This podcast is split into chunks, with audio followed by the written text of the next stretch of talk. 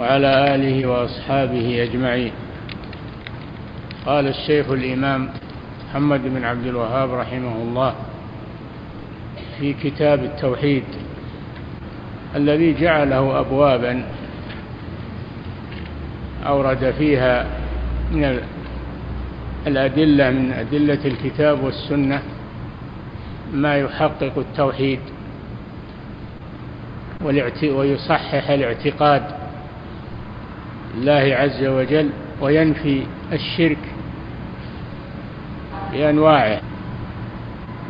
قال رحمه الله في هذا الباب باب ما جاء أي ما ورد في الكتاب والسنة وأقوال السلف في التنجيم يعني بالاعتقاد في النجوم. الاعتقاد في النجوم أن لها تأثيرا في هذا الكون. من إحداث الأمراض وإحداث النعم وإحداث الأمطار وغير ذلك. وهذا كذب على الله سبحانه وتعالى. الله لم يخلق هذه النجوم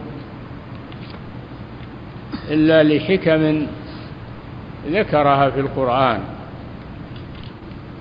زينة للسماء رجوما للشياطين وعلامات يهتدى بها يهتدي بها المسافرون.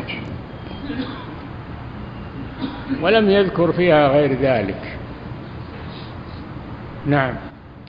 أحسن الله إليكم. قال رحمه الله تعالى قال البخاري في صحيحه قال قتادة خلق الله هذه النجوم لثلاث زينة للسماء ورجوما للشياطين وعلامات يهتدى بها فمن تأول فيها غير ذلك أخطأ وأضاع نصيبه وتكلف ما لا علم له به. انتهى. نعم روى البخاري رحمه الله في صحيحه تعليقا عن قتادة ابن دعامة رحمه الله أحد أعلام التابعين أنه قال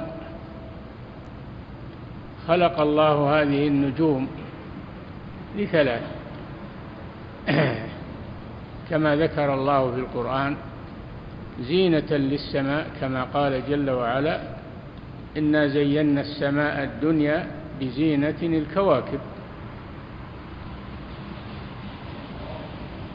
وقال سبحانه ولقد زينا السماء الدنيا بمصابيح يعني نجوم. المصباح هو السراج. تضيء. والمراد بالسماء هنا السماء الدنيا لأن السماوات سبع. أولها السماء الدنيا التي تلي الأرض تلينا الله زين هذه السماء بالمصابيح التي هي النجوم والشمس والقمر جعلها في هذا السماء أو في هذه السماء الدنيا. والثانية ورجوما للشياطين مردة الجن الذين يسترقون السمع. ويحاولون أن يستمعوا إلى الملائكة.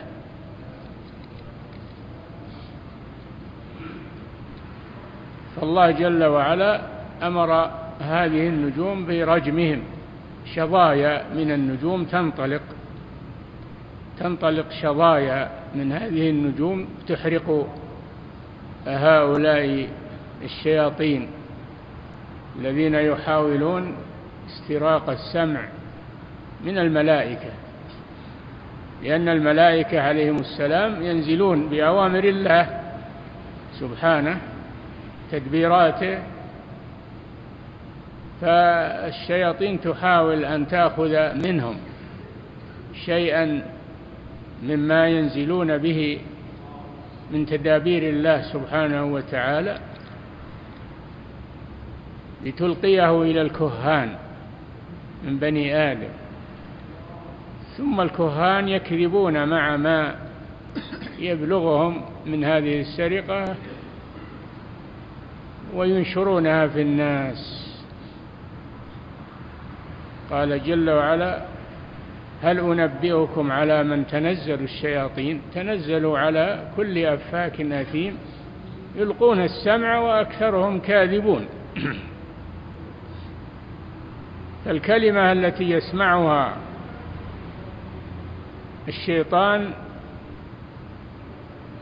يسرقها يلقيها إلى الكاهن الكاهن يكذب معها مئة كذبة ويصدقه الناس بسبب هذه الكلمة التي سمعت من السماء ليضلوا الناس والعياذ بالله. زينة للسماء. أنت إذا نظرت إلى السماء الدنيا في الليل رأيت الزينة فيها من هذه النجوم. وفيها عبرة للمعتبرين.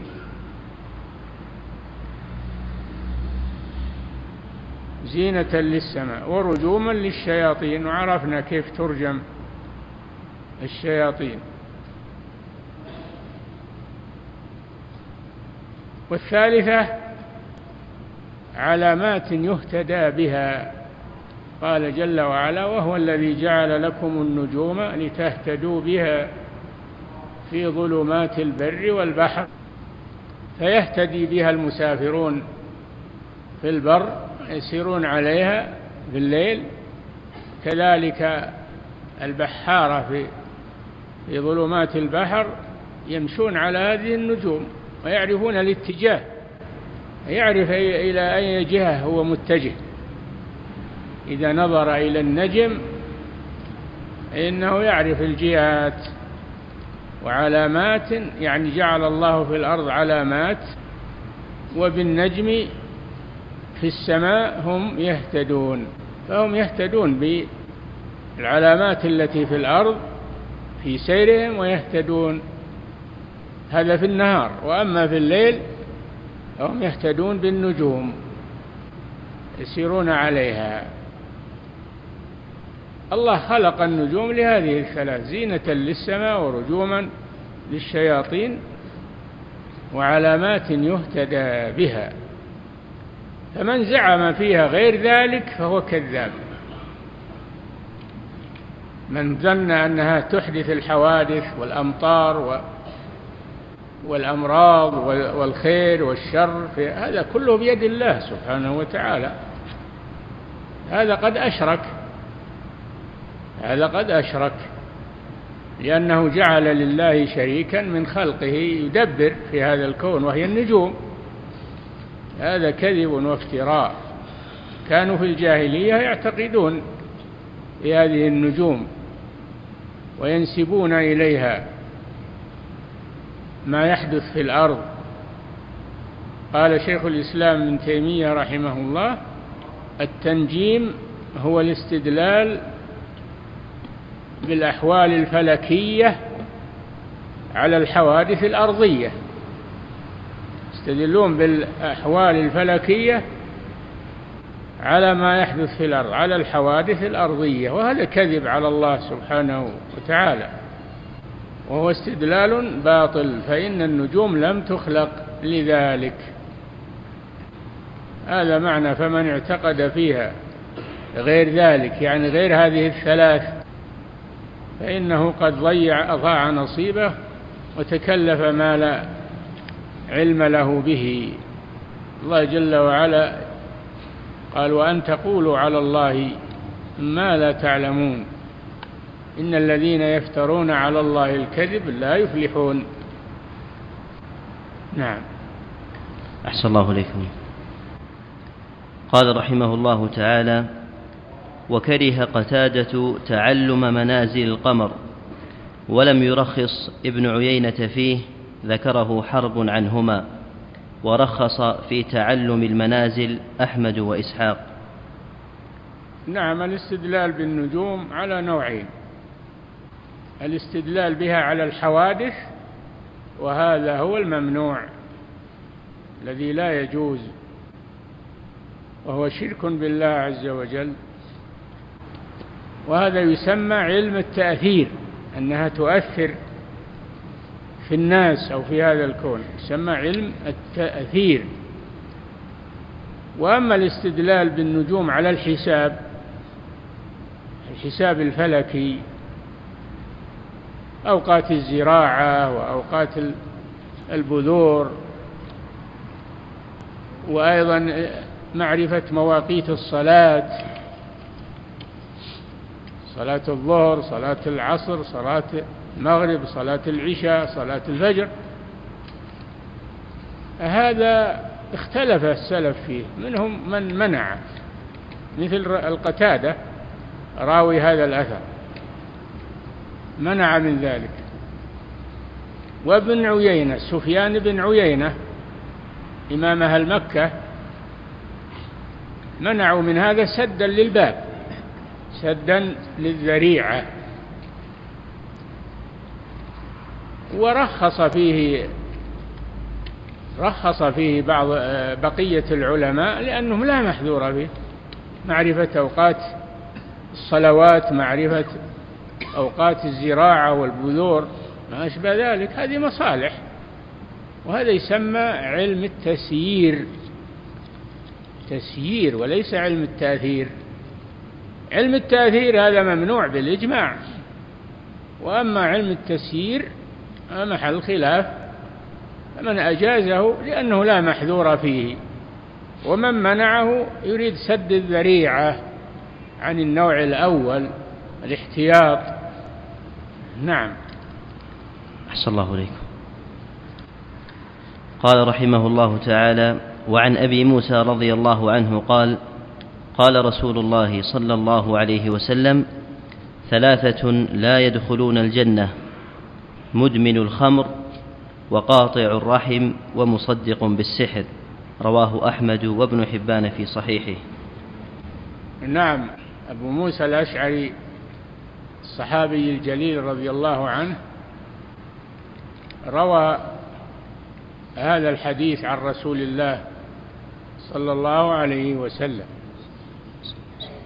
وهو قوله ثلاثة ثلاثة من الناس. لا يدخلون الجنة. هذا وعيد شديد. من هم؟ مدمن الخمر. الأول مدمن الخمر. الخمر المسكر. حرام بالإجماع بالكتاب والسنة والإجماع. من استحله فقد كفر. ومن شربه وهو لا يستحله. يعتقد إنه حرام لكن غلبته الشهوة فهذا عاصي ومرتكب لكبيرة من كبائر الذنوب. والواجب عليه أن يتوب إلى الله عز وجل فإن استمر على شربها ولم يتب منها حتى أدركه الموت فإنه متوعد بألا يدخل الجنة. هذا وعيد شديد. نسأل الله العافية. وعيد شديد. يمر كما جاء ولا يفسر. وإن كنا نعتقد أن شارب الخمر لا يكفر إذا لم يستحلها لا يكفر لكن يعتبر فاسقا مرتكبا لكبيرة من كبائر الذنوب. إن شاء الله غفر له وإن شاء عذبه. ولكن هذا من باب الوعيد والزجر.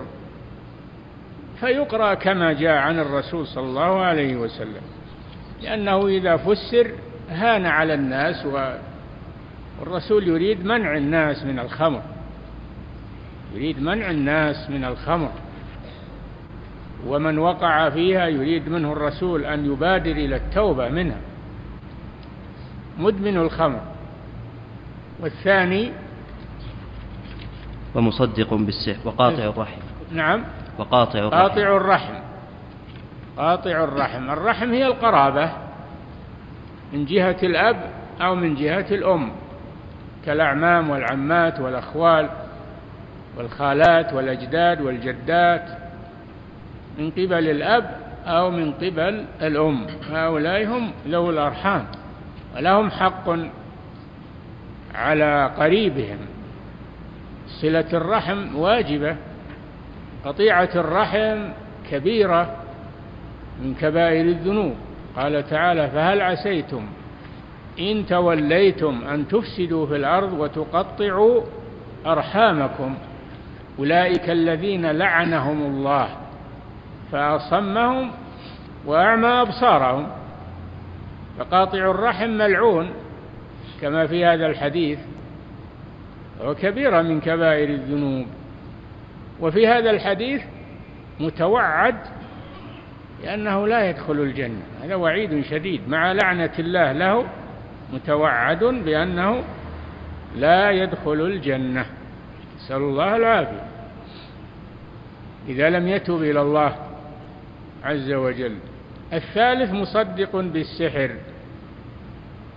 حتى ولو لم يت يستبحه. لو قال السحر حرام ولكنه صدق السحرة فيما يقولون. أما إذا اعتقد أن السحر جائز هذا كافر بالإجماع. لأن السحر حرام وكفر بالله عز وجل تعلمه وتعليمه. فالله جل وعلا حكم على السحرة بالكفر وذلك في قوله تعالى وما كفر سليمان ولكن الشياطين كفروا. يعلمون الناس السحر. يعلمون تعليم السحر كفر وتعلمه كفر. وما أنزل على الملكين ببابل هاروت وماروت وما يعلمان يعني الملكين ما يعلمان من أحد حتى يقولا إنما نحن فتنة. يعني لا تتعلم السحر.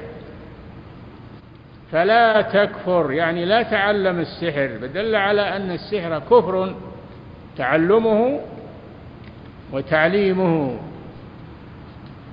فالذي يقول السحر حلال هذا كافر بالإجماع. والذي والذي يصدق الساحر ولو لم يستبح السحر هذا أيضا متوعد بهذا الوعيد. لا يدخل لا يدخل الجنة. نسأل الله العافية. وهذا محل الشاهد من الحديث للباب. كما يأتي من اقتبس شعبة من النجوم فقد اقتبس شعبة من السحر.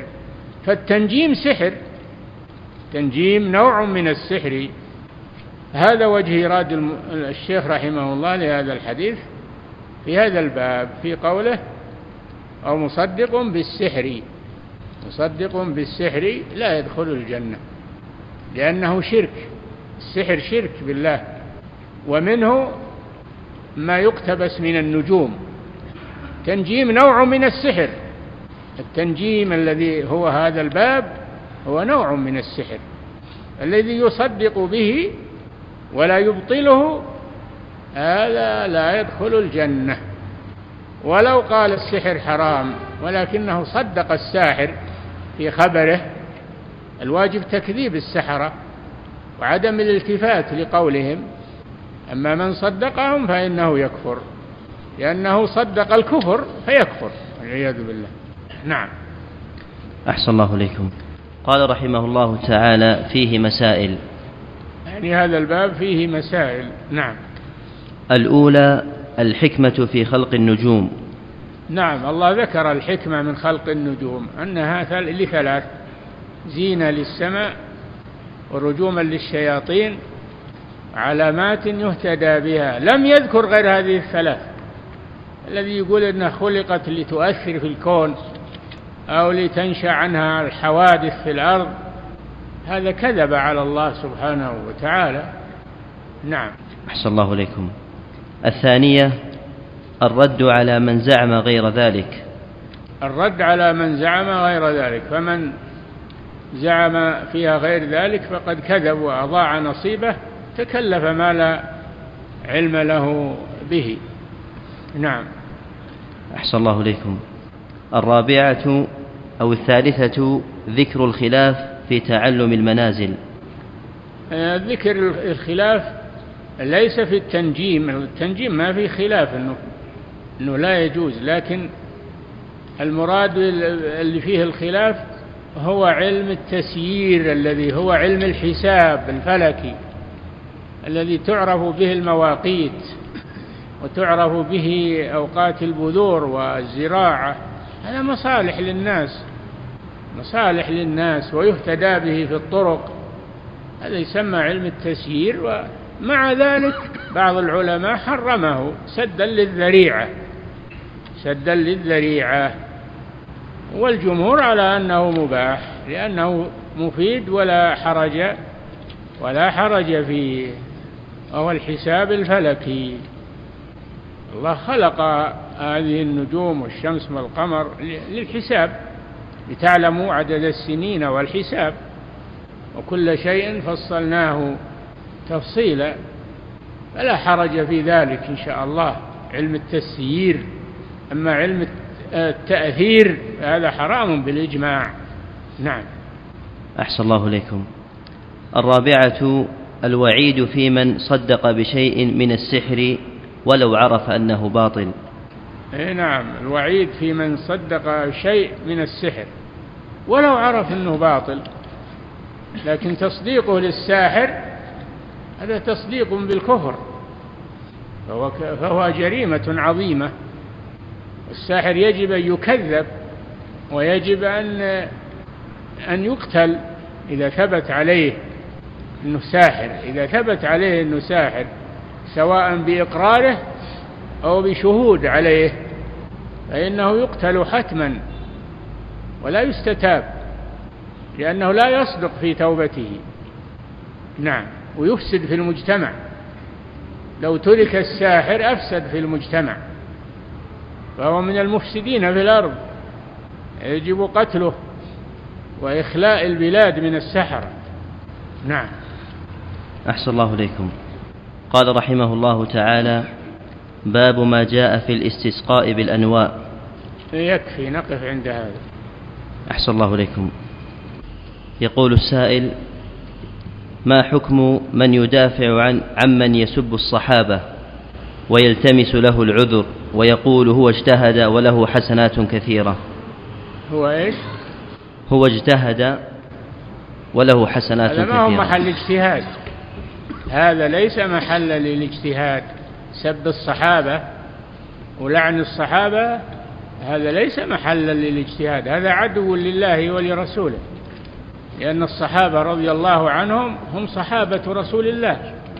وهم الذين نصر الله بهم الإسلام ونصر بهم الرسول صلى الله عليه وسلم. الذين آووا ونصروا.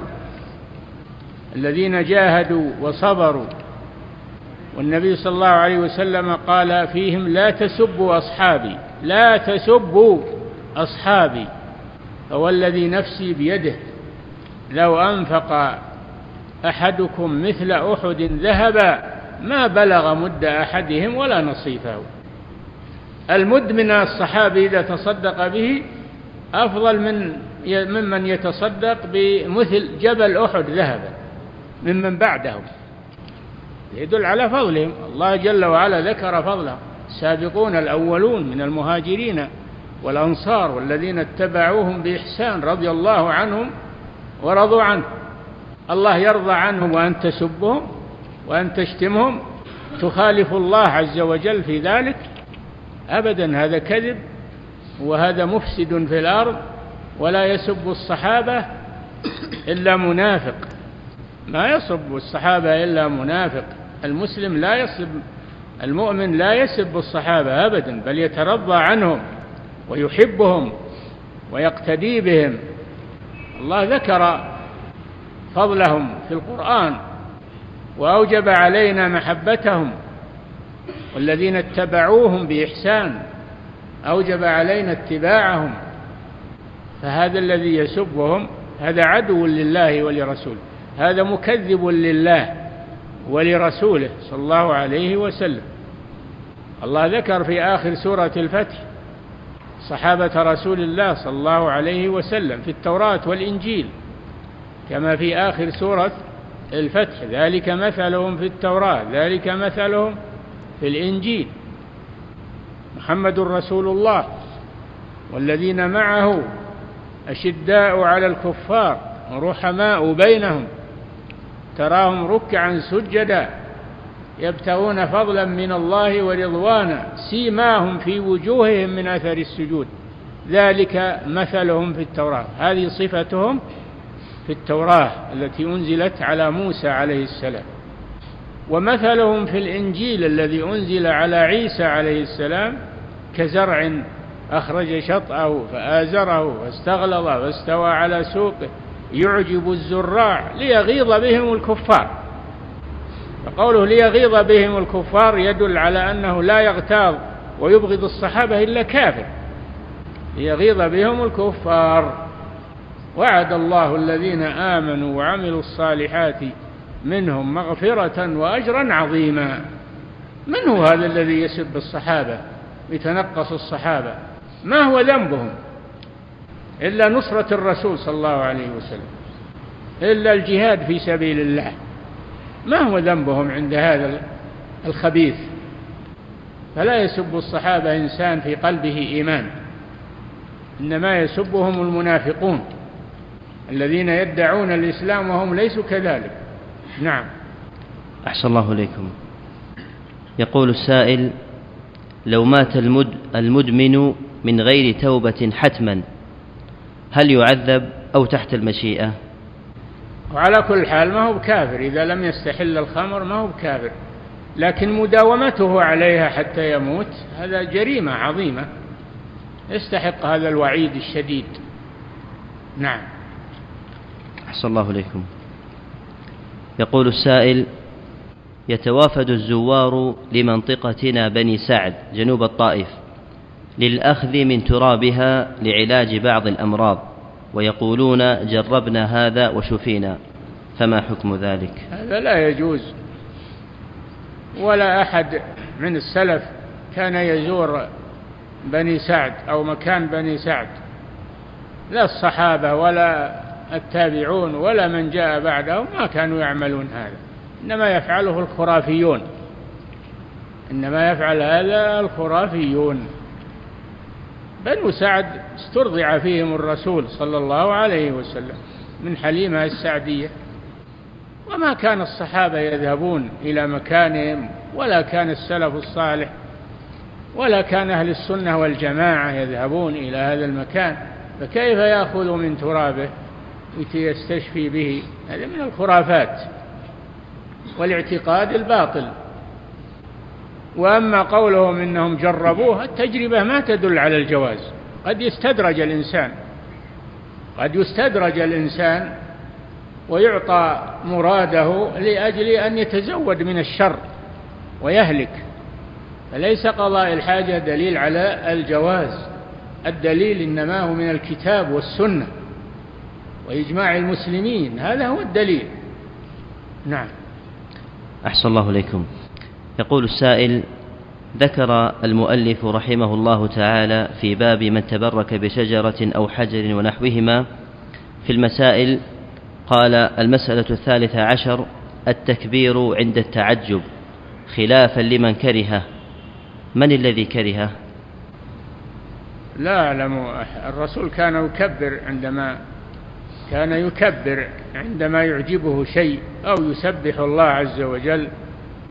هذا سنة الرسول صلى الله عليه وسلم. كان يكبر عندما يعجبه شيء أو يستنكر شيئا. كان يكبر. مثل ما كبر لما قالوا له اجعل لنا ذات أنواط كما لهم ذات أنواط يعني كما للكفار شجرة ينوطون بها أسلحتهم. قال صلى الله عليه وسلم هذه طريقة من كان قبلكم من بني إسرائيل لما قالوا لموسى اجعل لنا إلها كما لهم آلهة. تقليد تشبه والعياذ بالله. الرسول كبر مستنكرا لهذا. نعم. أحسن الله إليكم. يقول السائل ما حكم من أنكر وجود السحر؟ من أنكر وجود السحر فهو مكذب لله ولرسوله. ولإجماع المسلمين. الله أخبر عن وجود السحر وأخبر الرسول عن وجود السحر. وأنزل في ذلك القرآن ومن شر النفاثات. النفاثات هي السواحر. من شر النفاثات في العقد. هذا مكذب لله ولرسوله ولإجماع المسلمين. اللي ينكر السحر وجود السحر. أما الذي يكذب الذي يكذب تأثيره ويكذب. فهذا له له احتمال لكن اللي يقول ما لا ما هو موجود سحر. الله أخبر بالقرآن عن سحرة قوم فرعون. ذكر هذا في القرآن. وأخبر عن السحرة الذين سحروا النبي صلى الله عليه وسلم في المعوذتين. هذا ينكر ما في القرآن. نسأل الله العافية. نعم. السحر موجود. نعم. أحسن الله إليكم. يقول السائل ما حكم من يضع العسل على السرة لأجل الشفاء؟ فهل هذا الفعل صحيح؟ العسل الذي ورد أنه يشرب أنه يشرب فيه شفاء للناس. يشرب. إذا كان هذا جرب أنه إذا وضع على السرة أنه يحصل منه فائدة. فلا, فلا بأس بذلك. نعم. أحسن الله إليكم.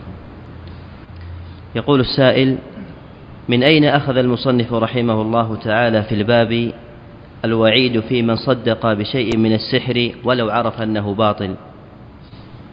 أي نعم ومصدق بالسحر مصدق بالسحر.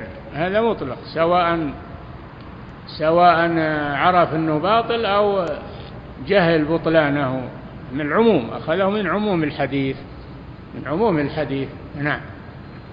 أحسن الله إليكم. يقول السائل شاب رضع مع خاله رضعة واحدة. ما؟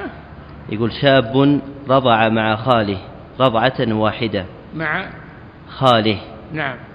فهل يجوز له أن يتزوج ابنة خاله هذا أم لا؟ هذا يحتاج إلى إثبات الرضاع ويحتاج إلى بيان عدد الرضاع. فإذا تبين أنه خمس رضعات في الحولين يعني خمس مصات في الحولين فإنها تحرم عليه لأنها بنت أخيه. وإذا فإذا فإذا عرف هذا فلا يجوز له. أما إذا لم يعلم عدد الرضاع لم يعلم عدد الرضاع هو ثبت لكن لا يعلم عدده. أنه خمس. فهذا شبهة يجب أنه يتجنب من باب اجتناب الشبهات. نعم. أحسن الله إليكم. يقول السائل ما حكم الحلف بلفظ والخيرة؟ أو قول وخيرة الله. لا يجوز هذا. حلف بالمخلوق. هذا حلف بالمخلوق. وليس بالحلف بالله أو صفة من صفاته أو اسم من أسمائه. هذا لا يجوز. حلف بغير الله قد كفر أو أشرك. نعم. أحسن الله إليكم يقول السائل هل الرمل قال صلى الله عليه وسلم من كان حالفا فليحلف بالله أو ليصمت. ما في حلف إلا بالله أو باسم من أسمائه صفة من صفاته سبحانه وتعالى. نعم. أحسن الله إليكم. يقول السائل هل الرمل في الأشواط الثلاثة من كل طواف حتى طواف التطوع أم لا؟ لا هذا في طواف القدوم. أول ما يأتي الإنسان إلى مكة أول طواف يطوفه للعمرة أو طواف عند القدوم طواف القدوم طواف القدوم أو طواف العمرة هذا الذي يكون فيه الرمل فقط. نعم. أحسن الله إليكم. يقول السائل وضعت ولا وليس في كل الطواف بل الأشواط الأولى الثلاثة الأولى فقط. نعم. أحسن الله إليكم. يقول السائل وضعت علامة على قبر أبي حتى أعرفه عند الزيارة فهل فعلي صحيح؟ إذا كانت العلامة ما يعرفها إلا أنت وضعت حجرا أو أو عصا أو خطا عليه غير كتابة فلا بأس. ما إذا كتبت عليه ولا وضعت عليه جص أو آه، بوية وأصباغ هذا لا يجوز. نعم. أحسن الله إليكم. يقول السائل عندي اسطبل خيول وأصلي أنا والشباب حول الاسطبل علما بأن المسجد بعيد. فما الحكم في ذلك؟ إذا كان المسجد بعيد وأنتم جماعة فلا بأس بذلك. نعم. أحسن الله إليكم. يقول السائل ما الفرق بين الرياء والسمعة؟ الرياء لما يرى من الأعمال والسمعة لما يسمع من الأقوال. نعم. أحسن الله إليكم. يقول السائل هل يشترط للحصول على أجر حج وعمرة تامة تامة كما ذكر في الحديث في الجلوس بعد الفجر إلى الشروق ألا ينتقض وضوءه وألا يترك أو وألا يتحرك من مكانه تحرك لا مانع أنه يكون في المسجد المهم يكون في المسجد في مكان واحد أو انتقل إلى مكان يرتاح فيه أكثر. لا بأس ما دام في المسجد. ما دام في المسجد. وكونه على وضوء هذا أتم لأن هذه عبادة والعبادة ما في الطهارة أفضل. نعم. أحسن الله إليكم. يقول السائل نعاني نحن الشباب عندما ندعو لطاعة ولي الأمر والسمع والطاعة في غير معصية الله فيسموننا البعض بألقاب منها مدخلية غلاة الطاعة إلى آخره. فما توجيه؟ لا يهمكم هذا. هذا هو السنة وهذا هو هو مذهب أهل السنة والجماعة والذي أوصى به الرسول صلى الله عليه وسلم فأنتم حثوا على السمع والطاعة لولي أمر المسلمين وحثوا على لزوم الجماعة وعدم التفرق. هذا هو السنة ولكم الأجر في ذلك. ولا تلتفتوا إلى من يتنقصكم أو من يلقبكم بألقاب لا لا يهمكم هذا. نعم. أحسن الله إليكم. يقول السائل لوحظ في الآونة الأخيرة الأخذ من اللحية ونريد منكم يا شيخنا التوضيح. اللحية الرسول صلى الله عليه وسلم أمر بإكرامها وتوفيرها وإرسالها وإرخائها. أحاديث صحيحة لا يجوز التعرض لها لأنها علامة الرجولة والفارقة بين الرجل والمرأة. وهي عضو من أعضائك فكيف تعبث بها وتشوهها؟ كيف تتشبه بالنساء تتشبه بالكفار الذين يحلقون لحاهم تترك سنة الرسول صلى الله عليه وسلم؟ نعم. أحسن الله إليكم. يقول السائل هل الشعر الذي حول الرقبة من اللحية؟ اللحية ما نبت على الخدين والذقن. هذه هي اللحية. ما نبت على الخدين وهو العوارض والذقن اللي مجمع مجمع الفكين في أسفل الوجه. هذا هو اللحية. ما زاد عن ذلك فليس من اللحية. نعم. أحسن الله إليكم. يقول السائل هل يجوز للمرأة المتوفى عنها زوجها الخروج من المنزل لزيارة أبيها المريض وهي في العدة أم لا؟ يجوز هذا في النهار. يجوز في النهار وترجع لا بأس. نعم. أحسن الله عليكم يقول السائل ما حكم من تلفظ بالتسمية سرا عند تذكية بهيمة الأنعام؟ إيش؟ يقول ما حكم من تلفظ بالتسمية سرا عند تذكية بهيمة الأنعام؟ إذا تلفظ بها سواء كان جهرا أو سرا بقدر ما يسمع نفسه فقد أتى بالواجب والحمد لله. نعم. أحسن الله إليكم. يقول السائل هل الأفضل لمن فاتته سنة الفجر أن يقضيها بعد الصلاة أم بعد الشروق؟ بعد الشروق بعد ارتفاع الشمس أفضل ويجوز أن يقضيها بعد الصلاة مباشرة. خصوصا إذا كان يخاف أنه ينشغل عنها أو ينساها. نعم. أحسن الله إليكم. يقول السائل ما مناسبة باب التنجيم بعد باب ما جاء في التطير؟ لأن كل منهما ينافي توحيد أو كمال التوحيد.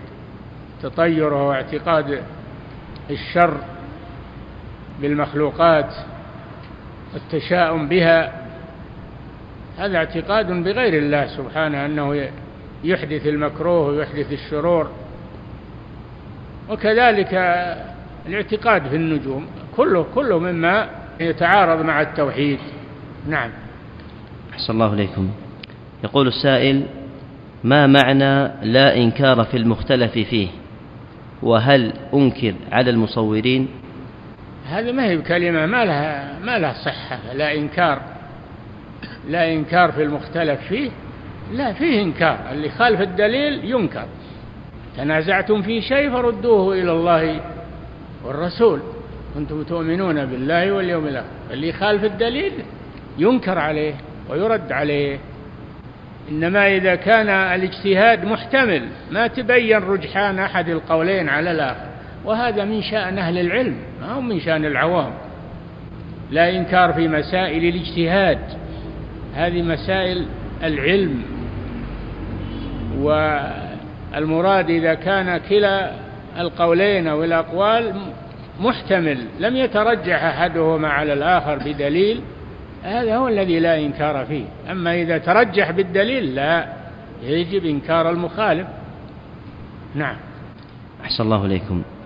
يقول السائل زوجتي اشترت شقة في جدة. وبقي عليها مبلغا من من القيمة. ولا يوجد لديها دخل معين.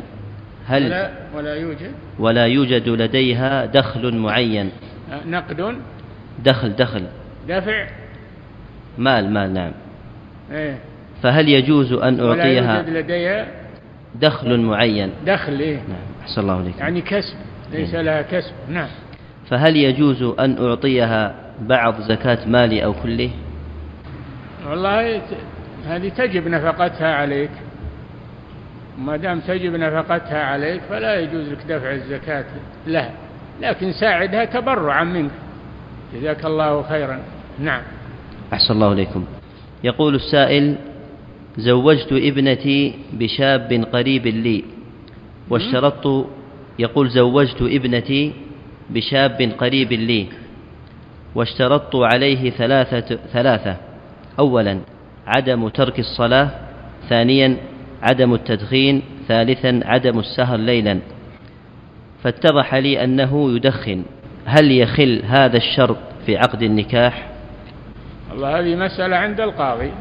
أقم عليه دعوة عند القاضي وأثبت الشرط عليه والقاضي ينظر فيها. نعم.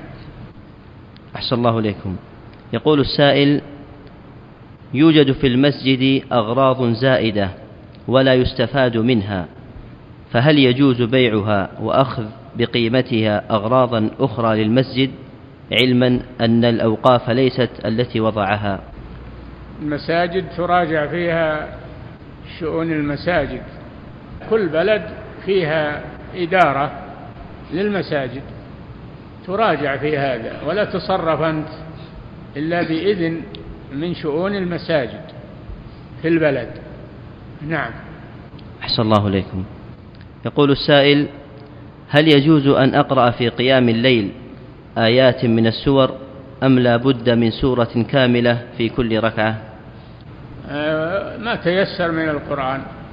اقرأوا ما تيسر منه سواء من سورة واحدة أو من سور. ما تيسر من القرآن. نعم. أحسن الله إليكم.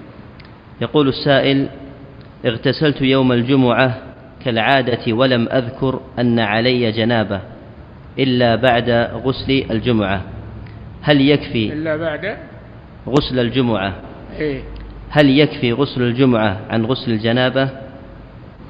إيه، ما دام أنك قريب العهد وأنت في حال مكان الاغتسال تغتسل بنية الجنابة احتياطا. وإلا إذا أجزأ يقولوا يقولون إذا نوى غسلا مسنونا أجزأ عن واجب. هذا قول للفقهاء. إذا نوى غسلا مسنونا أجزأ عن واجب وغسل الجمعة مسنون. ولكن مع من باب الاحتياط وأنت في مكان الاغتسال اغتسل بنية الجنابة. نعم. أحسن الله إليكم. يقول السائل هل يجوز تأخير العقيقة؟ عن الأسبوع الأول أو الثاني؟ لا بأس بذلك. لا بأس بتأخير العقيقة أنك في أول أسبوع في الأسبوع الثاني فيما بعده الأمر في هذا واسع لكن المبادرة بها أفضل. نعم.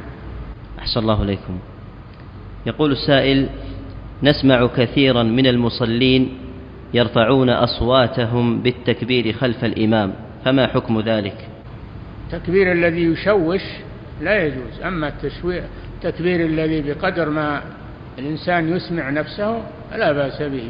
اللي ما يشوش على من حوله أو على الإمام. نعم. أحسن الله إليكم. يقول السائل هل التصوير مسألة خلافية؟ وهل أنكر على المصورين؟ التصوير النبي صلى الله عليه وسلم لعن المصورين.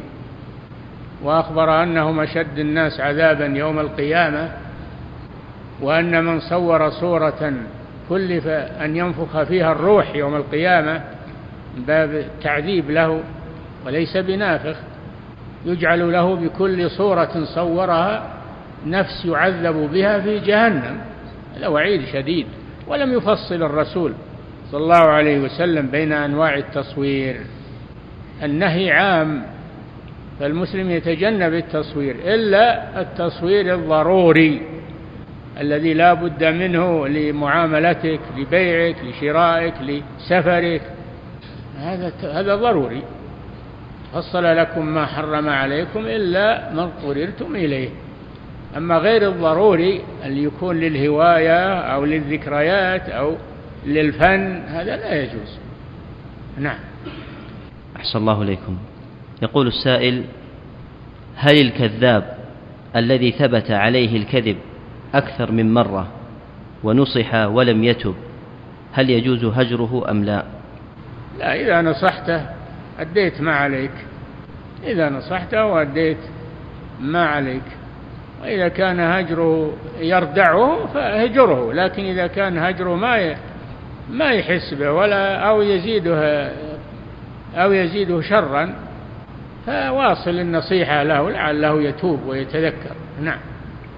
أحسن الله إليكم. يقول السائل ما هي أفضل الشروح للعقيدة الواسطية لطالب العلم المبتدئ؟ والله عليها شروح كثيرة لكن أفضلها في نظري شرح الشيخ ابن رشيد. شرح الشيخ ابن رشيد رحمه الله. شرح وافي ومختصر وجيد. وأكثر منه وأوسع منه شرح الشيخ زيد بن فياض رحمه الله الروضة الندية شرح العقيدة الواسطية. هذا هذا موسع. شرح ابن رشيد مختصر. نعم. أحسن الله عليكم. أيضا يسأل يقول ما هي أفضل الكتب ما هي أفضل كتب الفقه لطالب العلم المبتدئ؟ المختصرات لكن ما تقراها لوحدك لازم تقراها على العلماء ليشرحوها لك ويبينوها لك. أما أن تقراها أنت تعتبر هذا تعلم؟ لا ما هو تعلم هذا. هذا ربما يزيدك جهل.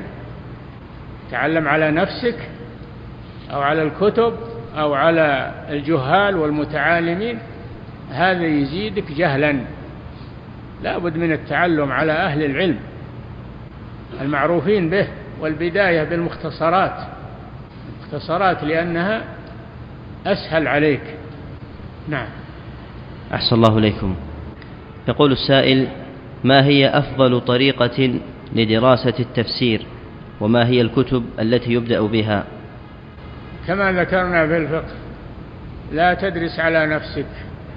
لا بد أن تقرأ على عالم من العلماء تفسير أو غيره. أما المطالعة طالع بالتفسير مطالعة فقط لا بأس. أما تعتبر هذا تعلم التفسير لا. تعلم التعلم لا بد يكون على معلم على يد معلم. نعم. أحسن الله إليكم. يقول السائل هناك من المشايخ ما يسمون بالصحوة يقررون في دروسه أو يقرر في دروسه أن انتشار المعاصي كمحلات الغناء ونحوها وشرب الخمور أن هذا دليلا على الاستحلال وهو كفر أكبر. فهل هذا التقرير صحيح موافق لمنهج أهل السنة والجماعة؟ أما كلمة الصحوة هذه محدثة. يعني المسلمون كانوا نايمين ولا صحوا إلا الآن. من قال هذا؟ المسلمون ولله الحمد ما زالوا مستيقظين وما زالوا على صحوة في دينهم. أو توهم يعني يصحون كما يقول هذا. وأما تكفير التكفير بالمعاصي فهذا مذهب الخوارج. هم اللي يكفرون بالمعاصي التي دون الشرك التي دون الشرك. أما ما دون الشرك هذه لا يكفر لكن صاحبها إما يحكم عليه بأنه فاسق إذا كان فعله كبيرة من كبائر الذنوب أو عاصي إذا كان فعله دون الكبيرة. سمى عاصي ولا يسمى فاسق. كره إليكم الكفر والفسوق والعصيان. الدرجات ثلاث عصيان فسوق كفر. لا يحكم الإنسان على الناس بغير علم وبغير بصيرة. نعم. أحسن الله إليكم. يقول السائل ما حكم زخرفة المساجد والتباهي في ذلك بحجة أنها بيوت الله وأفضل من بيوتنا؟ لا زخرفة المساجد منهي عنها لأنها تشغل المصلين ولأنها لا تزخرف. هذا من شغل كنائس اليهود والنصارى هم اللي يتباهون بالزخرفة في كنائسهم. المساجد تنظف وتطيب وتبنى بناء لائقا قويا ولا تزخرف. نعم. أحسن الله إليكم. هذا السائل يسأل عن تجمع أهل الميت لغرض العزاء وعمل الواجبات الوجبات لمدة ثلاثة أيام. فما لا هذا لا أصل له. العزاء مستحب ولا يستدعي إن أنه يجعل له أيام محددة ويجعل له تجمع ويجعل له طعام لا. عز المي عز المصاب في المقبرة عزه في المسجد عزه في محله في السوق في الشارع إذا لقيته. ولا يحتاج إلى هالآثار وهالأغلال التي أحدثوها في التعزية. وأيضا تعطيل الأعمال ثلاثة أيام هذا لا يجوز. لا يجوز هذا. نعم. أحسن الله إليكم. يقول السائل من مات عريانا في الحمام هل يعتبر موت سوء؟ من مات عريانا في الحمام هل يعتبر موت سوء؟ سوء؟ نعم. هذا مسلم هذا مسلم ومات فجأة في الحمام وليس على معصية وإنما هو يغتسل إما غسل واجب أو مستحب. فهو ما عصى الله عز وجل بالاغتسال. حتى يقال هذه موتة سوء. نعم. أحسن الله إليكم. يقول السائل هل كتاب الاختلاط للدكتور سعد بن وهب القحطاني من الكتب المفيدة في هذا الباب أم لا؟ كتاب إيش؟ الاختلاط. اختلاط نعم. بالطاء نعم. أو الاختلاف. لا الاختلاط. إيه ما قرأته ما أدري عنه. لكن الرجل طيب. وباحث ويعني موثوق هو في نفسه موثوق. وفقه الله. نعم. أحسن الله إليكم. لكن الكتاب أنا ما قرأته. نعم. أحسن الله إليكم. يقول السائل سمعت تسجيلا لأحد طلاب العلم الدكاترة يقول أن الألباني رحمه الله مات وهو لا يعرف الإسلام. فما حكم هذا القول؟ نسأل الله العافية. نسأل الله العافية. وش أدراه عن موت الألباني؟ أنه ما يعرف الإسلام يوم يموت. حضر عنده شيء ثبت عنده شيء. هذا كلام باطل والعياذ بالله. سوء ظن بالعلماء وأهل الخير. نرجو له الخير ونرجو له الثواب والأجر. وهو داعية من الدعاة. ينكر على المتصوفة وعلى آه، الخرافيين. هذا اللي نعرفه عنه رحمه الله.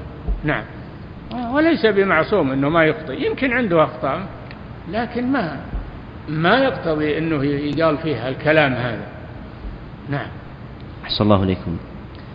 هذا السائل يقول ما الحكم أن يقول لرجل صالح اشفع لي عند الله يرزقني ذرية صالحة وهو يقصد الدعاء يا أخي بدل ما يقول اشفع لي يقول ادعو الله لي أوضح.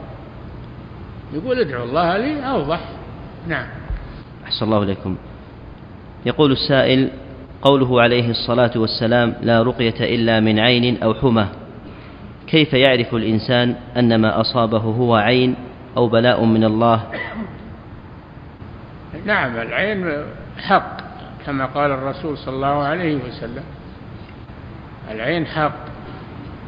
ولو أن شيئا سبق القدر لسبقته العين. وإذا استغسلتم فاغسلوا. العاين يؤمر بأن يغسل آه، يغسل ثيابه التي تلي جسمه مثل سراويله مثل ويصب على الم... الذي أصابته العين ويشفى بإذن الله. وأيضا المصاب بالعين يقرأ عليه الورد والآيات القرآنية والدعوات النبوية ويعالج بهذه الأمور. نعم. وأما الحمى فالمراد بها لدغة لدغة الثعبان أو, لا أو لدغة العقرب. ترقى أيضا. اللدغة ترقى ويشفي الله منها. نعم. أحسن الله إليكم. يقول السائل إذا اغتسل الإنسان للتبرد أو للتنظف هل يكفي عن الوضوء؟ لا هذا ما هذا مباح هذا اغتسال مباح ليس مشروعا مباح فقط. ألا يكفي عن الوضوء. نعم. أحسن الله إليكم يقول السائل ما فات من الصلوات إذا كان قد صلى بالجوارب أكثر من المدة ناسيا؟ هل يتذكرها ويعيدها؟ إي نعم. ما خرج عن المدة التي حددها الرسول صلى الله عليه وسلم للمقيم يوم ليلة وللمسافر ثلاثة أيام بلياليها ما خرج عن مدة المسح فلا بد من إعادة الصلاة. نعم. أحسن الله إليكم. هذا سائل يسأل عن حكم تحليل الشخصية. هل هو من السحر؟ إيه؟ حكم تحليل الشخصية. ما أعرف تحليل الشخصية. ما أعرفها ما أعرفها. هذه اسألوا اللي, اللي يقولها. ما عرفنا البرمجة العصبية ولا تحليل الشخصية. نعم. أحسن الله عليكم يقول السائل رزقت بمولود وعاش ثلاثة أيام ومات فهل أعق عنه؟ إي نعم. ما دام ولد حيا ما دام ولد حيا إنك تعق عنه سواء بقي أو مات. هذا سنة. يعني يستحب هذا. ما هو واجب. نعم. أحسن الله لكم. يقول السائل هل قيادة السيارة بتهور إذا نتج عنه وفاة يكون شبه عمد أو خطأ؟ إذا كان قاصد هذا يكون شبه عمد يكون يكون عمد. إذا كان قاصدا هذا أنه يدعس أو يصدم أحد قاصد هذا هذا عمد. إذا كان أنه ما تعمد يصير شبه عمد لأن هذا يصلح للقتل. ولكن ليس فيه نية يكون شبه عمد نعم. أحسن الله إليكم. يقول السائل قرأت في شرح كتاب التوحيد لمعاليكم شرك الحاكمية فما هو وهل هو كفر أكبر مخرج من الملة؟ ما شفت الكلام هذا. ما فيه شرك للحاكمية خاص. ما في شرك للحاكمية خاص إنما هذا عند بعض الحزبيين هم اللي يقولون شرك الحاكمية ولا الشرك هو الشرك في العبادة. الشرك في العبادة تدخل فيها الحاكمية. لأن الحكم بما أنزل الله عبادة. حكم بما أنزل الله عبادة وطاعة لله عز وجل. وأن يحكم بينهم بما أنزل الله ولا تتبع أهواءهم. فهو داخل في العبادة وليس هو قسم مستقل إنما هو داخل في عبادة الله. نعم. أحسن الله إليكم. يقول السائل ما حكم الدراسة في الكليات الشرعية لينال الوظيفة؟ حكم الدراسة ما, نتدخل بنيات الناس نقول اطلبوا العلم وأما النيات ما ندخل فيها الله هو اللي حاسب الناس على نياتهم. لكن نشجع على طلب العلم. نعم. أحسن الله إليكم. يقول السائل هل يجوز السجود على السجاد في المسجد إذا كان يحتوي على شعار الدولة الموجود في المسجد الحرام؟ أم يجب إزالته؟ شعار الدولة فيه شرك فيه شيء ينافي العقيدة في إيش شعار الدولة؟ وش وش شعار الدولة؟ علامة صليب علامة شرك. نعم. أحسن الله إليك.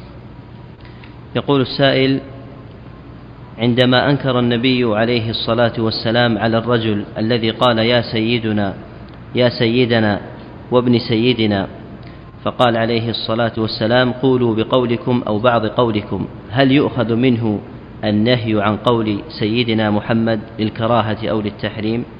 لا هذا في في وجود الإنسان في حال في حال وجه الإنسان. ما يمدح الإنسان في وجهه. يقال أنت سيد أنت سيدنا في وجهه. أما يقال فلان سيدنا رئيسنا فلا بأس بذلك في حال غيبته. نعم. والذين قالوا هذا للرسول قالوه مواجهة للرسول صلى الله عليه وسلم. خشي عليهم من الغلو. نعم. أحسن الله إليكم. يقول السائل ما حكم لبس السوارة في اليد؟ ها؟ السوارة في اليد إذا لم يقصد منها هذا شيء. للنساء الأسورة للنساء ما يلبسها الرجال. تلبسها النساء للتزين. نعم. أحسن الله إليكم. يقول السائل هل الإحسان يزيد وينقص مثل مثل الإيمان؟ الإحسان ركن واحد أن تعبد الله كأنك تراه على المشاهدة فإن لم تكن تراه فإنه يراك على المراقبة أنت تعبده إما مشاهدة وإما مراقبة. نعم هذا الإحسان. أعلى درجات الدين هو الإحسان. نعم. أحسن الله إليكم. يقول السائل ما حكم من يستدل بالخسوف أو الكسوف على حدوث الزلازل والبراكين؟ الكسوف والخسوف آيتان من آيات الله يخوف الله بهما عباده ولا يدلان على الحوادث. ما يدلان هذا فعل الجاهلية. هم اللي يقولون أنه ما يحدث الكسوف إلا لموت عظيم أو ولادة عظيم. هذا فعل الجاهلية. أما نحن أمرنا أن نصلي عند رؤية الكسوف وندعو الله إلى أن ينكشف. نعم هذا الذي أمرنا به.